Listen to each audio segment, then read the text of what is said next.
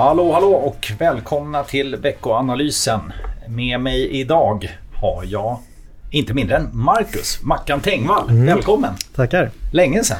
Ja, kul att vara tillbaka. Ja, eh, det var ett tag sedan. Det var ett tag sedan. Ja, vad har du gjort? jag har varit föräldraledig och jobbat samtidigt. Det är en kombination som eh, är sådär stundtals. Så, ja. Eh, jättebra ibland, men när det är stökigt på marknaderna så är det inte att rekommendera. Nej. Men jättekul att du är tillbaka. Du har ju varit med många gånger i den här podden. Nu har vi eh, ja, haft eh, nöjet att lyssna på flera av dina kollegor. Mm. Både Sebastian har varit här mycket, Henrik, Katrin och så vidare. Så vi är ju ett gäng som håller på. Ehm, och ni varvar väl även framåt tänker jag? Ja, det här är väl upplägget att vi, vi, vi du står stadigt och vi rullar runt så kommer vi tillbaka och gästspelar lite. Sådär. Jag hoppas att det står stadigt. Ja. Eh, idag gör det definitivt. Mm. Men eh, härligt som sagt att ha dig tillbaka. Vi slänger oss in i framför allt skulle jag säga mycket makrodata. Det är ju mm. mycket makro, centralbankinflation, sånt som styr fortsatt. Ingen rapportsäsong. Ehm, väldigt få liksom, om man säger, övriga börshändelser just nu. Mm. Så att eh, vi, vi kollar väl liksom lite grann vad hände förra veckan egentligen. Vi hade ju en del inflationsdata och även ECB kom med ett besked. Kan du berätta kort? Ja, absolut. Och det är lätt att man hamnar i det här inflationsträsket och vi pratar mycket om det och gjort tidigare också. Jag gjorde det mycket i våras eh, också. Men någonstans så driver det marknaden eh, ganska mycket fortsatt och snart är vi väl ur det. Men det stora förra veckan det var ju eh, inflationsutfallen i USA och i Sverige. Och sen så då att ECB höjde, kanske lite oväntat med 25 punkter. Men det som marknaden tolkar den höjningen med det är ju att man nu troligtvis är klar. Och eh, då är det ju ett ytterligare osäker, osäkerhetsmoment som egentligen tas bort. Och det här det gillar ju marknaden eh, faktiskt. Så hellre att man höjde och sen gör man inte det sen än att man pausar och kanske höjer sen. Då.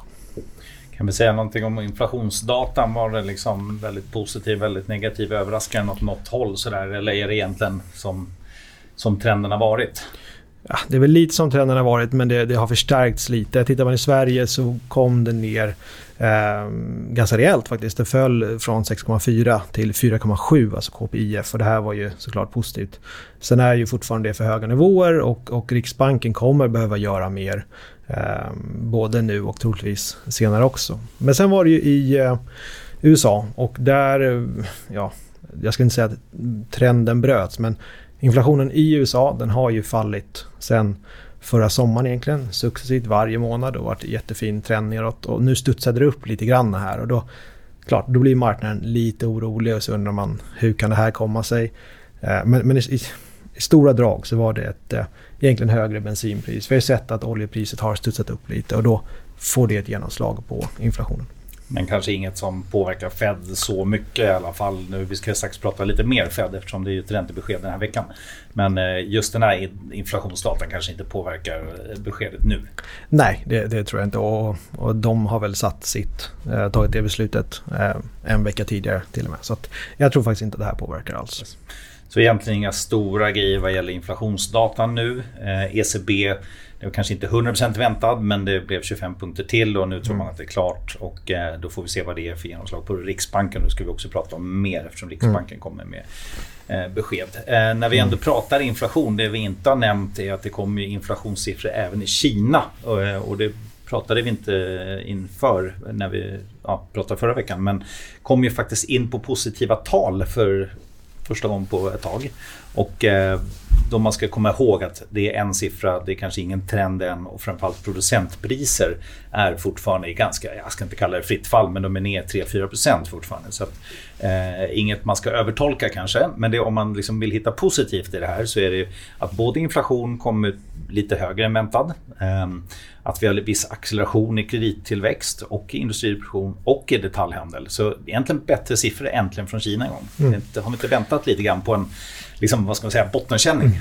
Ja, eh, det får jag väl hålla med om. Och det har ju varit väldigt eh, mörka siffror här under sommaren. Så att, att det, det händer någonting är ju väldigt positivt såklart. Och sen har det varit mycket stimulanser. Man har gjort olika eh, saker eh, i Kina. Och nu kanske det får en, en, en, första effekt. Och så får vi se vad det tar vägen härifrån. Då. Men det finns ju fortfarande lite problem med, med bostadsmarknaden och hushållen är fortfarande eh, pressade. Och så där. Men man tar väl det man får och all positiv data är ju, är ju superbra. Och det var exakt det som marknaden ville se. Och därför marknaden handlade upp här under förra veckan på det.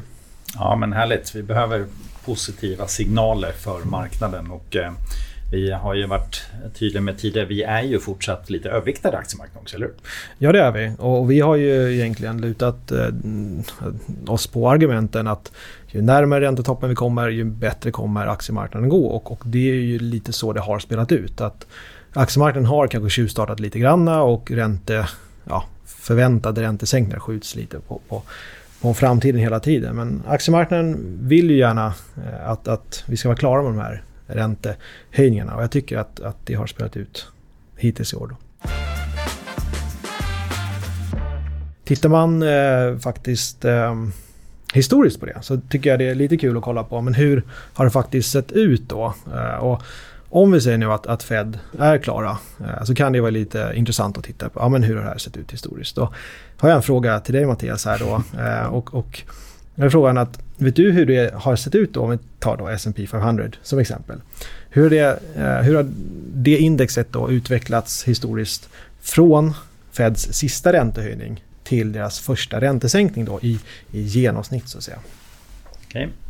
Eh, jag vill helst klura på det men det har jag inte tid med. Eh, jag tänker då Fed är klar med höjning, då har man stramat åt. Eh, då tar det ett tag innan man Ehm, vill att, alltså man brukar vänta ändå. Jag tänker att tiden är längre än vad man tror, att det inte går så fort. Men jag egentligen kan inte sätta någon siffra på det, eller hur långt.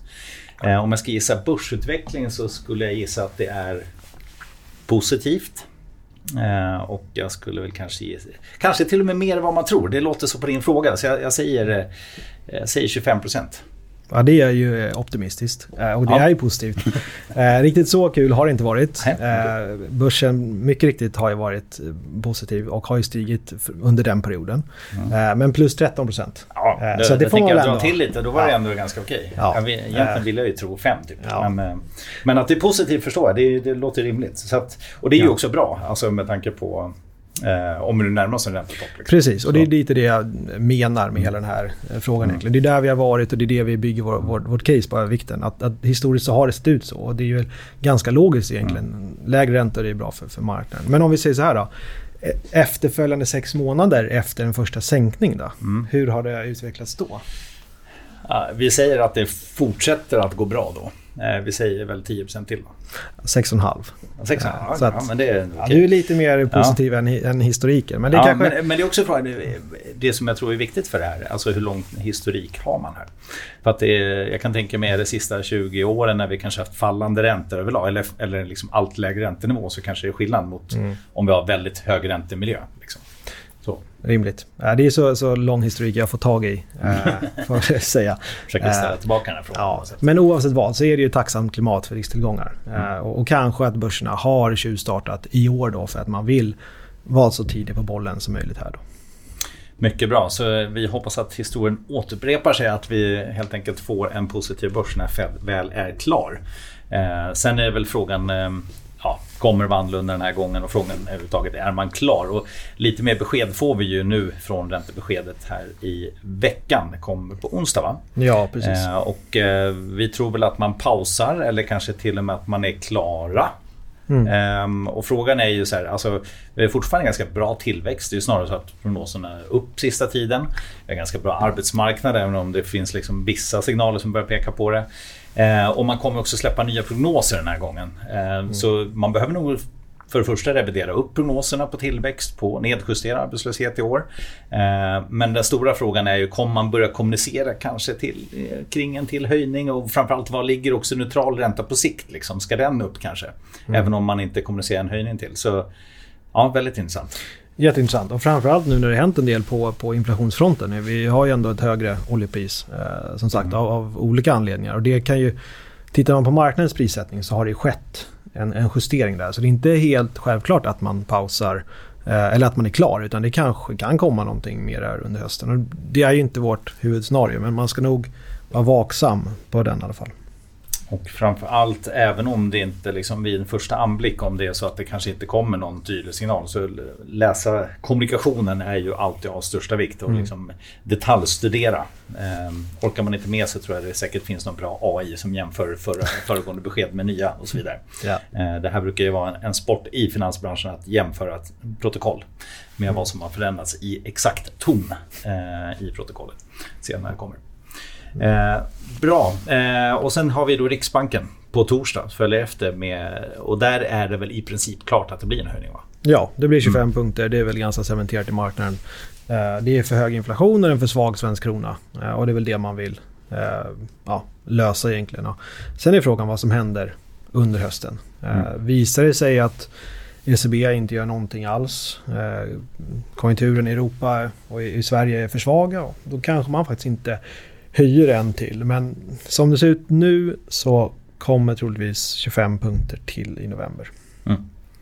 Det låter inte omöjligt. Och eh, sen är naturligtvis den stora frågan dels data som kommer in men sen hur stor vikt lägger man just vid svag krona och den eventuella liksom, ja, att man importerar inflation via, via en svag eh, krona. Eh, och framförallt också när man ska bedöma kronan, hur stor vikt lägger man vid till exempel räntedifferenser som ju fortsatt är ganska stor. Vi ligger ju mycket lägre i ränta, vi ligger efter liksom, om man mm. jämför med framförallt USA. Då.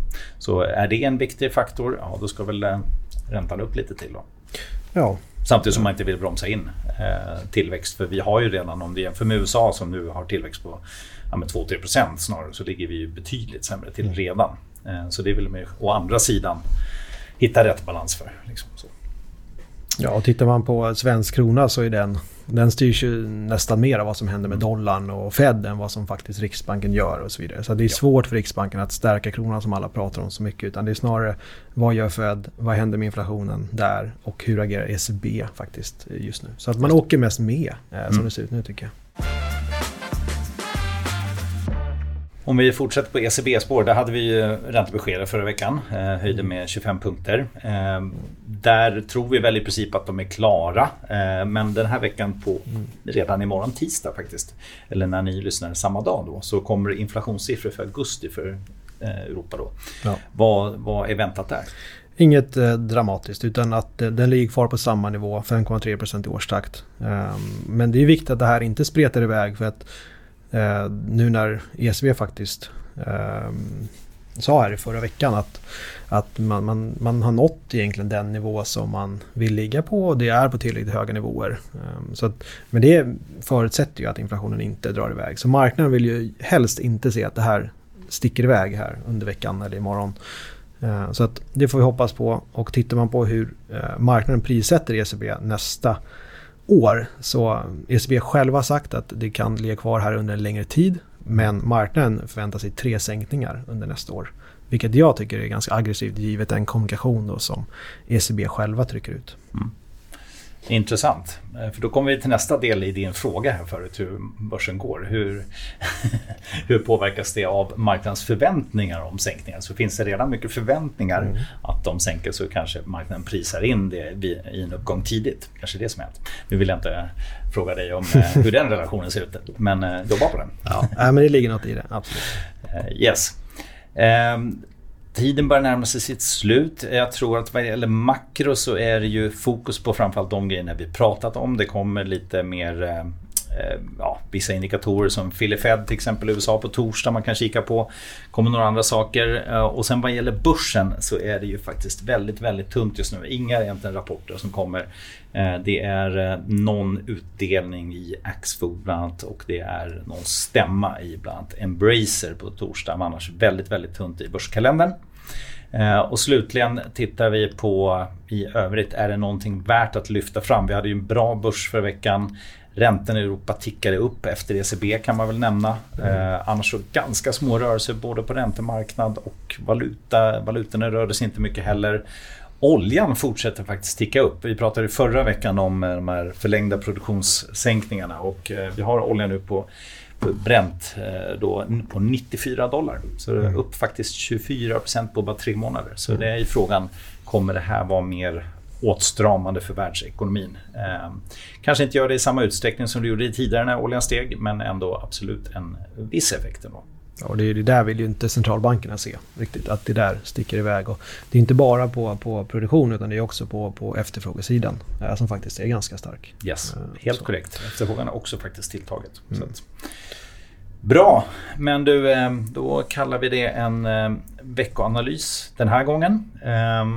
Vi har ju någonting att se fram emot inom kort bara. Absolut. Vad händer då i din grupp? Eh, vi har ju en strategirapport som går ut här nästa vecka. Den 28 september kommer vi med en ny uppdaterad investeringsstrategi. Så det tycker jag att man ska hålla utkik efter.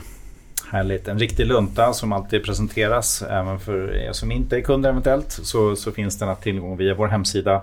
Eh, och där eh, gör vi en liten, om man ska säga en riktigt samlad bedömning av eh, olika tillgångslag, aktieregioner, sektorer men även räntemarknad, valutor och så vidare. Så håll utkik efter den.